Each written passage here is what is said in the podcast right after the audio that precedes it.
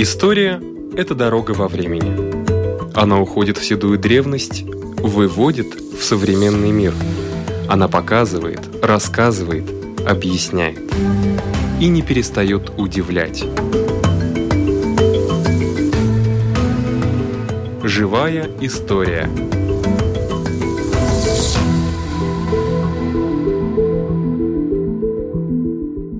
У микрофона Лидия Чера столетию страны готовятся все.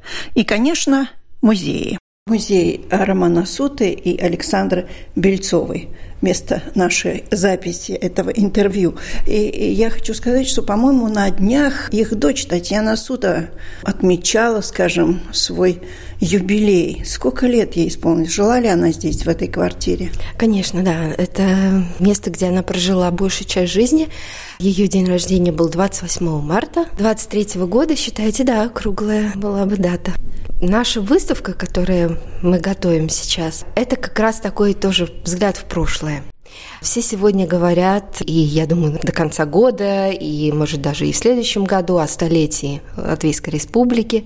Вспоминают все достижения, весь этот путь, который прошло государство с момента своего основания. И сейчас, когда все говорят о столетии, нам показалось интересным, а мы хотим сказать, что было, когда Латвии был один год – а именно 1919 год. Так совпало, что именно в этот год случились очень многие важные события в жизни, в биографии обоих художников, которым посвящен наш музей, Роман Сута и Александра Бельцова. И для Латвийской республики этот год тоже был очень важный. И это была очень сложная ситуация, политически, экономически, во всех смыслах. И тем не менее, естественно, мы как музей делаем акцент больше на культурные события, ну и, естественно, говорим о том, что произошло с нашими героями за этот год. Ну, первый год всегда важен, даже при рождении ребенка. Это верно, да. Но в случае Бельцовой, скажем, это год, когда она приехала в Латвию первый а, раз. Да. Сколько ей было лет? За 20, сейчас я скажу. В 92 году она родилась. 8, 19,8, 27. Но она приехала выходить замуж или? А, нет, предлогом для поездки. Они переписывались до этого с Романом Сутой, будущим ее супругом.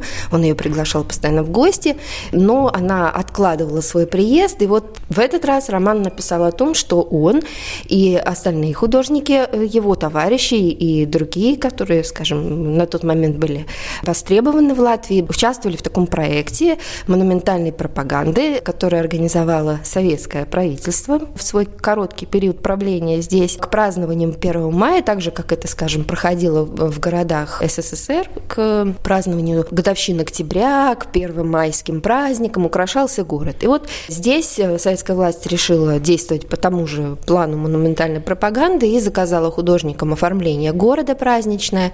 Это были не только какие-то транспаранты, плакаты, это были такие серьезные, временные, но тем не менее большие большие архитектурные конструкции, вроде памятников, таких обелисков, триумфальных арок. То есть это было все с размахом сделано. И вот упомянув об этом, Роман Суд пригласил Бельцову приехать и посмотреть. И это и стало вот поводом для поездки. Но по иронии судьбы Накануне ее приезда буря разрушила все эти декорации, она их не увидела, да. Ну, а может, делаем еще шаг назад? Ну, переписывались они уже в результате того, что они да. уже были знакомы, да. может быть, еще шаг назад? Да, шаг назад – это время Первая мировая война, когда оба они, и Бельцова и Сута, учились в Пензенской художественной школе, и там вот они и познакомились.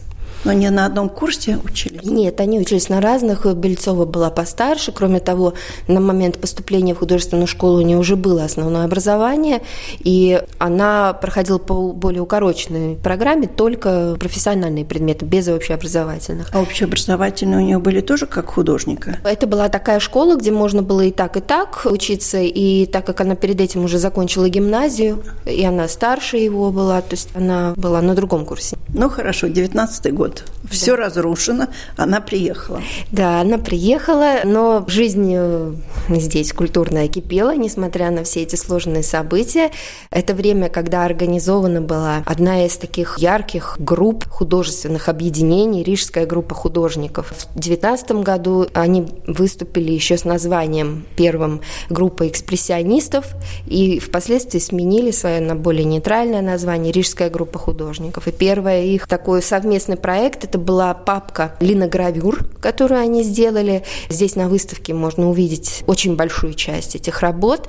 И что интересно, Бельцова, так как она многих из этих художников этого объединения знала еще по Пензенской школе, кроме романа и другие были некоторые латышские молодые художники там в то время, ее приняли как свою, и очень быстро она вошла вот в местный круг и участвовала в совместных выставках и других проектах. И уходя немножко в сторону от Бельцовой, надо сказать, что это также такой важный момент в культурной жизни и в биографии наших героев. В 19 году мама Романа Сута открыла кафе «Сукуб», которое стало местом собрания нашей богемы всей местной в то время. Это было очень интересное заведение, которое отличалось не только своим художественным оформлением, которое вызывало просто ну, неоднозначно. Да, совершенно верно. И причем в таком современном стиле, который многим был непонятен. Но и кроме того, даже меню было интересным для того времени. Это было вегетарианское кафе, да. Тогда а это было необычно. Значит, а знакомое, но не могу вспомнить. Это не связано с тем э, понятием, которое обычно употребляется. Это демон, демон, демон. Нет, а, нет, нет, да, не да, поэтому. Да, да, да. Автор названия Роман Сута, и это аббревиатура, как бы это сложенное из двух слов название супрематизм и кубизм. То есть это с таким намеком на то, что это место, где можно увидеть это искусство и где о нем можно было поговорить. Ну, это здорово, что у художников было свое кафе. Да. Когда-то в старом городе было Макслнеку кафеница, но сейчас такого, по-моему, нет. Да, согласна. Есть, кстати, недалеко от Академии художеств кафе, которое тоже назвали Сукупс в память о том самом. И начинание, и как бы вот этот задел, он был очень похвален, но я последнее время не слышала, чтобы они как-то очень себя проявляли активно. Чтобы там встречались, и на самом деле была бы такая тусовка художников. Ну да, да, да. то, как это было тогда. Причем там не собирались не только художники, там собирались вообще вся творческая интеллигенция. И, скажем, в том же здании этажом выше находился Райне Клубс. Клуб Райниса, в котором помимо самого Райниса был большой коллектив режиссеры, актеры, а это все здание нашей почты? Рядом, где Сакта, да, и да. вот в соседнем здании это было, mm. где Турки Шарлайн внизу. А, вот это. там было? Да, на втором этаже был Сукупс, mm-hmm. а этажом выше был вот этот Райня Клубс. И позднее именно этот клуб, и вот те люди, которые собирались вокруг него, там стоит искать начало вот нашего Дайлас театра. Это Смильдис и вся эта команда, они впоследствии организовали вот этот театр. И начиналось все с этого Райни Клубс. Всегда кажется, что какая-то аура там должна остаться. Ну, вот проходя мимо, не чувствую ничего такого. Ну и э, выставка, кроме литографий. Здесь будут еще несколько работ художников рижской группы, которые датируются 19 годом. Будет небольшой рисунок Бельцовой, где она изобразила себя в первом своем жилище здесь, в Риге. Она снимала комнату в подвальном помещении, и вот она изобразила себя как раз вот в этой комнате. И подпись внизу 19 год. А Очень... где комната это была? Это известно? было на улице Ханзас. И как долго она там прожила? Не очень долго. Вскоре она перебралась туда, где было кафе Сукуб. Mm. И там были за кафе такие прилегающие комнаты, где вот они с Романом Сутой и жили впоследствии. То есть в этой квартире они жили... С 35 -го года. Это было позднее уже. То есть это где-то лет 15. А здесь жили его родители или они приобрели? Нет, нет, эту это квартиру эту приобрела его мама. Угу. Вот как раз в 35 году. В тех помещениях Сукуба они прожили несколько лет. Потом они перебрались на улицу Лачплиша, где была мастерская Балтарс, угу. где они вот делали, расписывали посуду. И потом они жили на Тербатас, в здании профсоюза такая угу, башенка, знаю, вот да. это, да. А потом уже тогда здесь, с 35 -го года. очень большое влияние, наверное, мать оказала на Романа Сута, потому что они все время как-то из-под ну, вспоминается. Согласна, да. Мама, наверное, скажем так, была главным спонсором и заказчиком для сына, потому как, наверное, ее можно назвать одной из первых бизнес-вумен местных, кто действительно серьезно занимался бизнесом. Вот э, ее профессия поварское искусство, и она вела курсы домоводства. Это была официально зарегистрированная школа. Плюс параллельно введение кафе, ресторанов, и были варианты, где она была хозяйкой, были варианты, где она была приглашенным человеком, который просто вел этот бизнес. И сыну она заказывала интерьеры, оформление. Известно, что он оформлял несколько кафе, где его мама работала, и которые ей принадлежали. То есть у нее не было никакого художественного начала, если не иметь в виду именно приготовление еды, тоже как творчество. Образования именно связанного с искусством у нее не было было. Но известно по воспоминаниям той же вот внучки Татьяны, что бабушка была очень большой рукодельницей и действительно с таким чувством вкуса. Она могла очень красиво оформлять, скажем, и стол, и украшать елку, и в доме делать оформление интерьера, какие-то такие вещи. Видимо, это было врожденное какое-то эстетическое чувство, и надо отдать должное ее смелости, потому что в 19 году доверить оформление молодым художникам. Это был большой риск, открывая новое кафе. Она должна была понимать, что такое убранство, оно может и отпугнуть очень большую часть публики. Mm-hmm. И риск оправдал себя на самом деле. При том, что отзывов было бесчисленное множество, и воспоминания сохранились уже впоследствии, когда описывали это место, люди, кто там бывал. Равнодушных не было. А что ж там такое было? Одним глазком взглянуть. А есть несколько несколько фотографий, и здесь тоже на выставке их можно будет увидеть. Это были абстрактные изображения на стенах, такое в духе кубизма, супрематизма. Но если у Малевича черный квадрат – это целая философия, то здесь, конечно, такого не было. Это скорее был такой декоративный прием, но местная публика не была к этому приучена. Это если в России ходили футуристы с раскрашенными лицами по улицам, то здесь этого никто до этого не видел. Публика к такому не была готова. И увидев какие-то буквы на стекле и на стенах в хаотичном порядке, какие-то геометрические фигуры. Люди пытались найти этому какое-то рациональное объяснение, найти в этом какой-то сюжет и смысл. И вот появлялись множество толкований, что, скажем, это борьба красных кровяных телец с белыми, или это какой-то, скажем, взрыв суфлерной будки, поэтому, значит, там рассыпаны эти буквы на стенах. То есть понять просто, что искусство может быть свободно от изобразительной функции, от какого-то сюжета, в то время не всем было легко. Но то, что искусство заставляло думать, это уже хорошо. Да, действительно.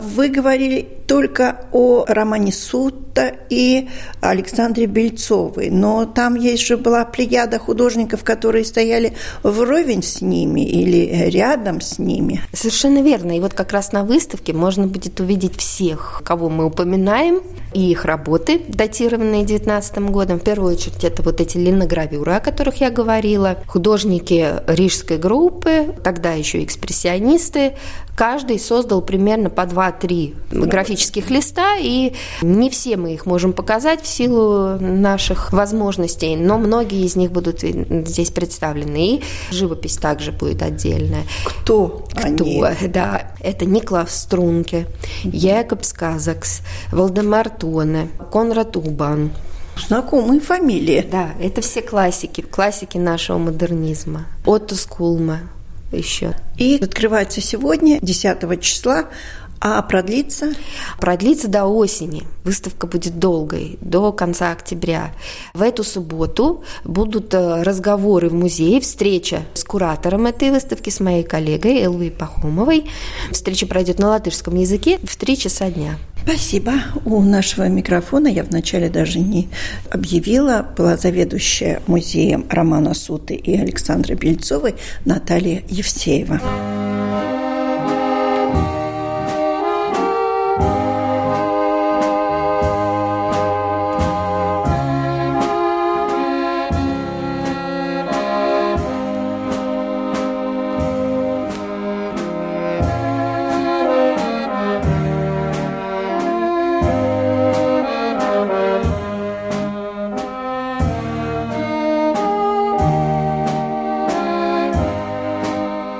Состоялась весенняя поездка журналистов, организованная Ассоциацией сельского туризма «Lauku ceļotājs» для ознакомления горожан с сельским трудом, отдыхом и возможностями.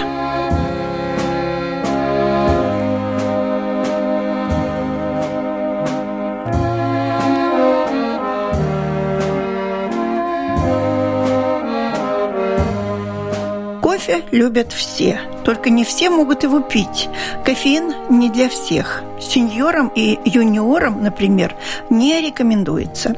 А ведь раньше в латышских селах тоже заваривали кафею. Вспомнить вкус кафе из детства предлагает жительница края Весейтой волости Элкшню Йоланта Ковнацка. Предлагаем послушать ее рассказ для всей нашей группы журналистов, ну а потом уже интервью для программы «Живая история». Stāsts ir sācies ar manu vecmāmu Mālīdu. Vecmāma Mālīda auga un dzīvoja netālu no Subates mājās zemnieku ģimenē. Un aprecēja, protams, arī zemnieku Jāni un strādāja un dušīgi strādāja, tika pie četriem bērniem, lopiem, saimniecības un visu, un tika arī pie tās saucamās biļetes uz Sibīriju. Neko darīt. Rakstvedu teica, būs izvešana, ejiet prom no mājas. Vecs tēvs teica, kur tad es atstāšu savas govis lopus, cik tam man ilgi mežā jādzīvo. Un no rīta pieceļās un saka, nu, kur tad bija tā izvešana? Un kā pasaka šos vārdus, tā iebrauc gan sētā mašīnas sataisieties. Un lieciniece par šo nevisai tādu jauko pasākumu ir šī panna. Šo pannu vecmāma paspēja iebāzt iekšā maisā un aizvest uz Sibīriju un atvest no Sibīrijas. Es kā bērns atceros, kā cepām pankūkas, kā nolējām taukus, un viņam likās tik ļoti smaga kā bērnam. Nu, tagad man viņa liekas, par to vēsture klusē, kāpēc tas rops ir. es nezinu, bet vienkārši bija ļoti ērti noliet taukus. Varbūt tās kaut ko pielaboja ar to pannu. Tā, lūk. Bet vecmamai bija ļoti laba recepte, kafijas recepte. Viņa taisīja kafeju. Un es kā mazs bērns vienmēr tā kā skraidīju viņai līdzi, vācu ozolzīles, skatījos laukā, kā tur aug cīgoriņš. Es jau zināju, ka tas ir cīgoriņš, ka tur arī magonis, ka kaņepīte aug un visu. Man ļoti patika iet ar viņas dārzu. Tas bija tik brīnišķīgi, jo tās smaržas magoņu, kaņepju un tā laimīgā bērnībā ar to kafejas krūzi man ir tā patiešām tā ļoti laba atmiņa. Nu, lūk, un laiki iet, un laiki mainās, un vecmāmas vairs arī nav, bet eh, tā kafijas garša jau bija palikusi atmiņā. Dzīvoju jau Mārupē, biju izskolojusies, strādāju dažādos darbos par grāmatvedi, un tik ļoti sagribējās vecmāmas kafiju, jo, redziet, kā bija meita piedzimusi, un uh, vecmāmas kafijā nav kofeīna, un to var dzert, un man tā kā patīk tādas rūktvielas, un tādu rūktu dzert, un tad es sāku meklēt kafeju paveikt veikaliem. Un nav, un nav, un vienu garšoju, otru garšoju, un šausmīgi vīlos. Un tikai tad es sapratu, kāpēc visi, nu, tā kā viebjas pa to um, kafijas suragātu, un ka viņiem nepatīk tās miežu kafijas, cigoriņu kafijas un visu. Bet es iecirtu kāju zemē, teicu, nē, es šito recepti dabūšu. Aptaujāju radiniekus. Mamma man vēl palīdzēja, visu salikām to recepti, kā vecmama ir taisījusi un uh, izaudzēju cigoriņus, un tā bija tāda receptes restaurācija, interesants darbs, un toreiz arī Mārpē izaudzēju visu savedu, samalu un sažāvēju, un tad, nu, mēģināju grauzdēt. Bēru uz pannas un grauzdēju uz plīts, Mārpē jaunus celtā mājā. Man kaimiņiene staigā, viņa saka, klausies, te otro dienu kaut kas smirk, kaut kas grust, jāsauc pažarnieki. Es saku, nesauc dulā, es te taisu eksperimentus. Nu, lūk, un tie eksperimenti arī tapa krūzītē gatavā. Bija ļoti lielas bailes, kā tu, kad piesēdies pie šīs kafijas krūzes, kā tu sapratīsi, vai tā kafija ir tā īstā recepte. Bet tiklīdz cilvēks iedzer šo kafiju, viņam caur smadzenēm tā izsit, ka jā, patiešām tā ir tā kafija, ko es bērnībā dzēru. Tas ir tāds maģisks mirklis, kas tevi atsvieš tajās sajūtās. Un arī līdz ar to es vēl joprojām pārliecinos, ka tirdziņos vai kādās vietās, kur es dodu degustēt šo kafiju, jūs ar šodien nogaršosiet, ir tā, ka cilvēki atnāk neitrāli, viņi pagaršo šo kafiju un uzreiz atplaukst, un viņi saka, jā, Es šito pie omas dzeru, mēs laukos dzerām, un tas mērķis man ir sasniegts. Tas cilvēks atcerās to jaunību, bērnību, un ir labi viņam tās atmiņas. nu, lūk, un tas produkts ir ne tikai garšīgs, veselīgs, bet arī ar vēsturisko piegaršu.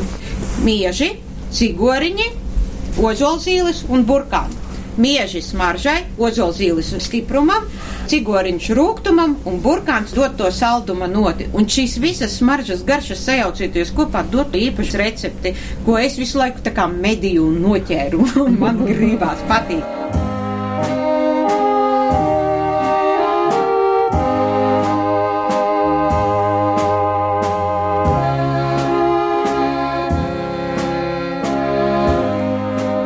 Руководитель и зачинатель производства кофе в условиях Латвии Йоланта Ковнацка. Здесь, где очень вкусно пахнет, но так необычно пахнет.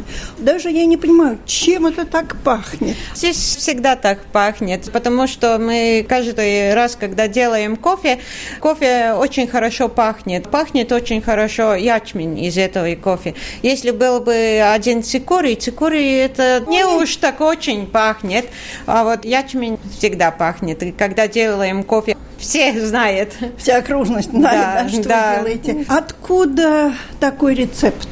Вот рецепт мы взяли от моей бабушки Алиды. Она все время делала такое кофе, и она была в Сибири и тоже делала это кофе, и вот приехала здесь и продолжала это делать. И всегда вот, когда я собиралась в школу, она делала это кофе, и когда пришла из школы, она тоже всегда для меня вот такое кофе делала. Да, это экологически чистое, потому что мы сами выращиваем цикорий и морковку, а э, ячмень покупаем у соседей, и потом знаем, что мы покупаем.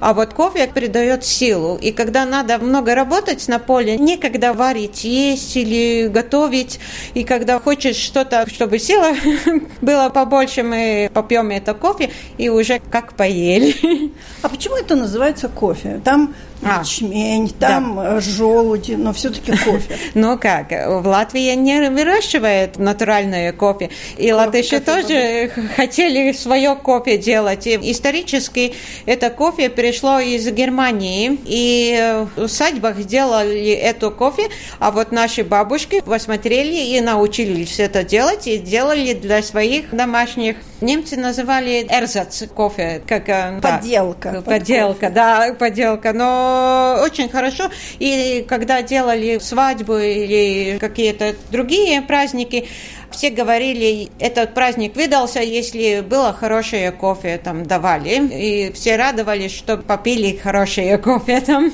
И вы давно занимаетесь этим делом?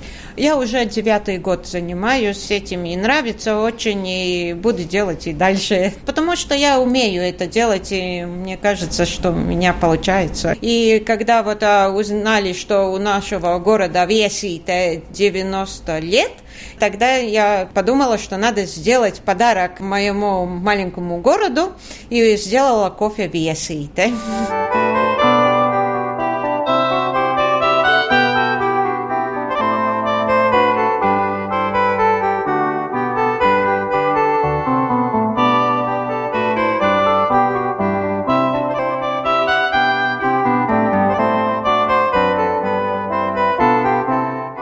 Весите. реликвии истории Латвии, рассказывает Ирина Зейбарт. Территория Латвии, как э, территория, находящаяся в очень выгодном геополитическом перекрестке, на перекрестке водных путей, сухопутных путей, всегда была э, центром интересов очень многих государств и народов. В том числе это, конечно, относится и к XVI и XVII веку. Как известно, в XVI и XVII веке территории Латвии несколько раз подвергалась опустошением вследствие довольно больших войн. Во-первых, это была Ливонская война, когда на территории Латвии и за территорию Латвии и за свои интересы воевали и Русь, и Швеция, и Жечь Посполита, и на территории Латвии происходили довольно кровопролитные сражения. И потом уже в течение конца XVI э, века, начала XVII XVII века несколько десятилетий происходили, в том числе и на нашей территории, э, польско-шведские войны. Не только за влияние в регионе, но и за территорию Латвии. И вследствие этих войн и в XVII веке, и до того, в XVI веке, территория Латвии несколько раз перераспределялась, если так можно сказать, между этими государствами. Надо напомнить, что и Жечь Посполита, и Швеция в то время были ну, самыми значительными государствами региона, и они претендовали еще на большее влияние, и поэтому неизбежно их интересы должны были столкнуться. И столкнулись они в том числе и на территории Латвии. Если воины XVI века более благоприятными были для Жечи Посполитой, то есть для польского государства, то войны XVII века были более благоприятными для Швеции, для шведского государства. И поэтому польско-шведская война 1629 года, она действительно ознаменовалась все более нарастающим влиянием и успехами Швеции. Именно с этими войнами э, и связана реликвия истории Латвии, которую мы отобрали для 100 реликвий и для э, книги, и для выставки. Это медаль, посвященная победе шведского короля Густава II Адольфа под Ригой. И, в общем-то, присоединение и Риги, и Видземе, или, как тогда говорили, Лифляндии, к территории Швеции. Война польско-шведская в начале XVII века началась довольно неудачно для шведов. Шведы были разбиты и в 1601 году у Кокнеса, и в 1605 году у Саласпилс. Между прочим, э, в Саласпилс до сих пор есть памятный камень, который посвящен этой битве между польским и шведским войском. Но потом военная фортуна переменила свою позицию, свой взгляд, и шведы начали завоевывать все более и более территорию Латвии. После смерти Карла XI, который правил Швецией в начале XVII века, на трон зашел его сын Густав II Адольф, и именно под его руководством были одержаны несколько побед, и в конце концов была присоединена к территории Швеции и Рига. Рига, как известно, в то время была самым большим, самым крупным, самым богатым городом всего региона. Нападение на Ригу началось 1 августа 1621 года, и сначала, конечно, как всегда во всех войнах, сценарий похожий. Защитникам Риги предложили капитулировать. Они, конечно, отказались, и Рига была окружена. Прям как в фильме. Как в фильме. Да. Это действительно вот такой классический сценарий войн. И потом это окружение уже сменилось блокадой. Была блокада полной, потому что и Даугава была перекрыта как водный путь. И э, в конце концов, когда 15 сентября шведы снова потребовали капитуляции, защитники Риги сдались. И шведы заняли Ригу. Торжественно как в фильмах и как в книгах, шведский король, его войско вошли в Ригу, и в 1629 году, когда между Жечью Посполитой и Швецией было заключено Альтмаркское перемирие, Рига официально перешла во владение Швеции. И произошел передел территории Латвии. Граница между Жечью Посполитой и Швецией была той границей, которую мы сегодня можем представить себе как границу между Видземе и Латгале. То есть Видземе, или как тогда говорили, Лифляндия перешла к Швеции, а вторая часть бывшей Ливонии или Лифляндии под названием Инфланты или Инфлянтия осталась под польским владением. И вот с тех пор мы можем проследить, как различно развивались эти части территории Латвии.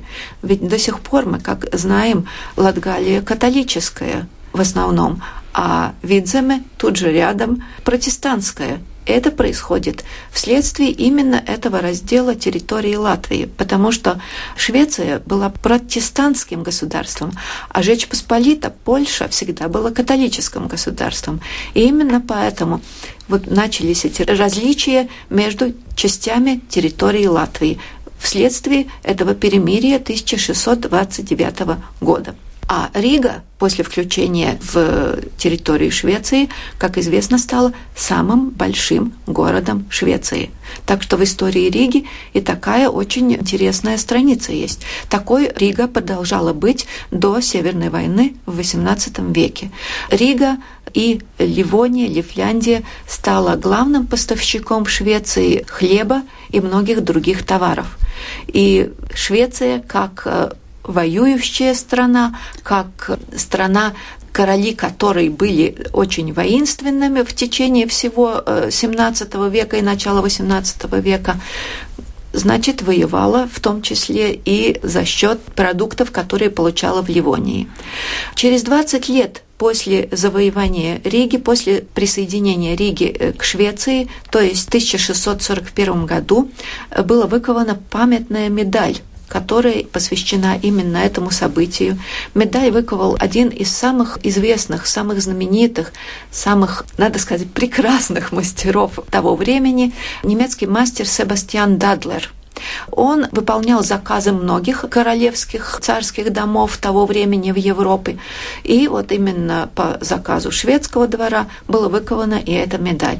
Медаль филигранна.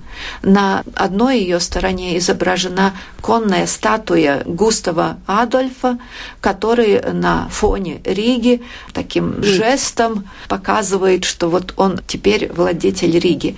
И э, вторая сторона показывает панораму Риги, какой она была, наверное, в начале 17 века, в середине 17 века, но все равно она такова, что мы ее до сих пор узнаем. Это нам известная, знакомая панорама со шпилями главных церквей и костелов Риги. Большая медалька? Э, медаль совсем небольшая. Ее диаметр 59 миллиметров, ну, то есть не полных 6 сантиметров. Весит она 44 с лишним грамма. Это медаль серебряная, и она действительно уникальная, редкая медаль, и в музей она попала как подарок оздейского коллекционера нумизмата Францискуса Перна в 2007 году.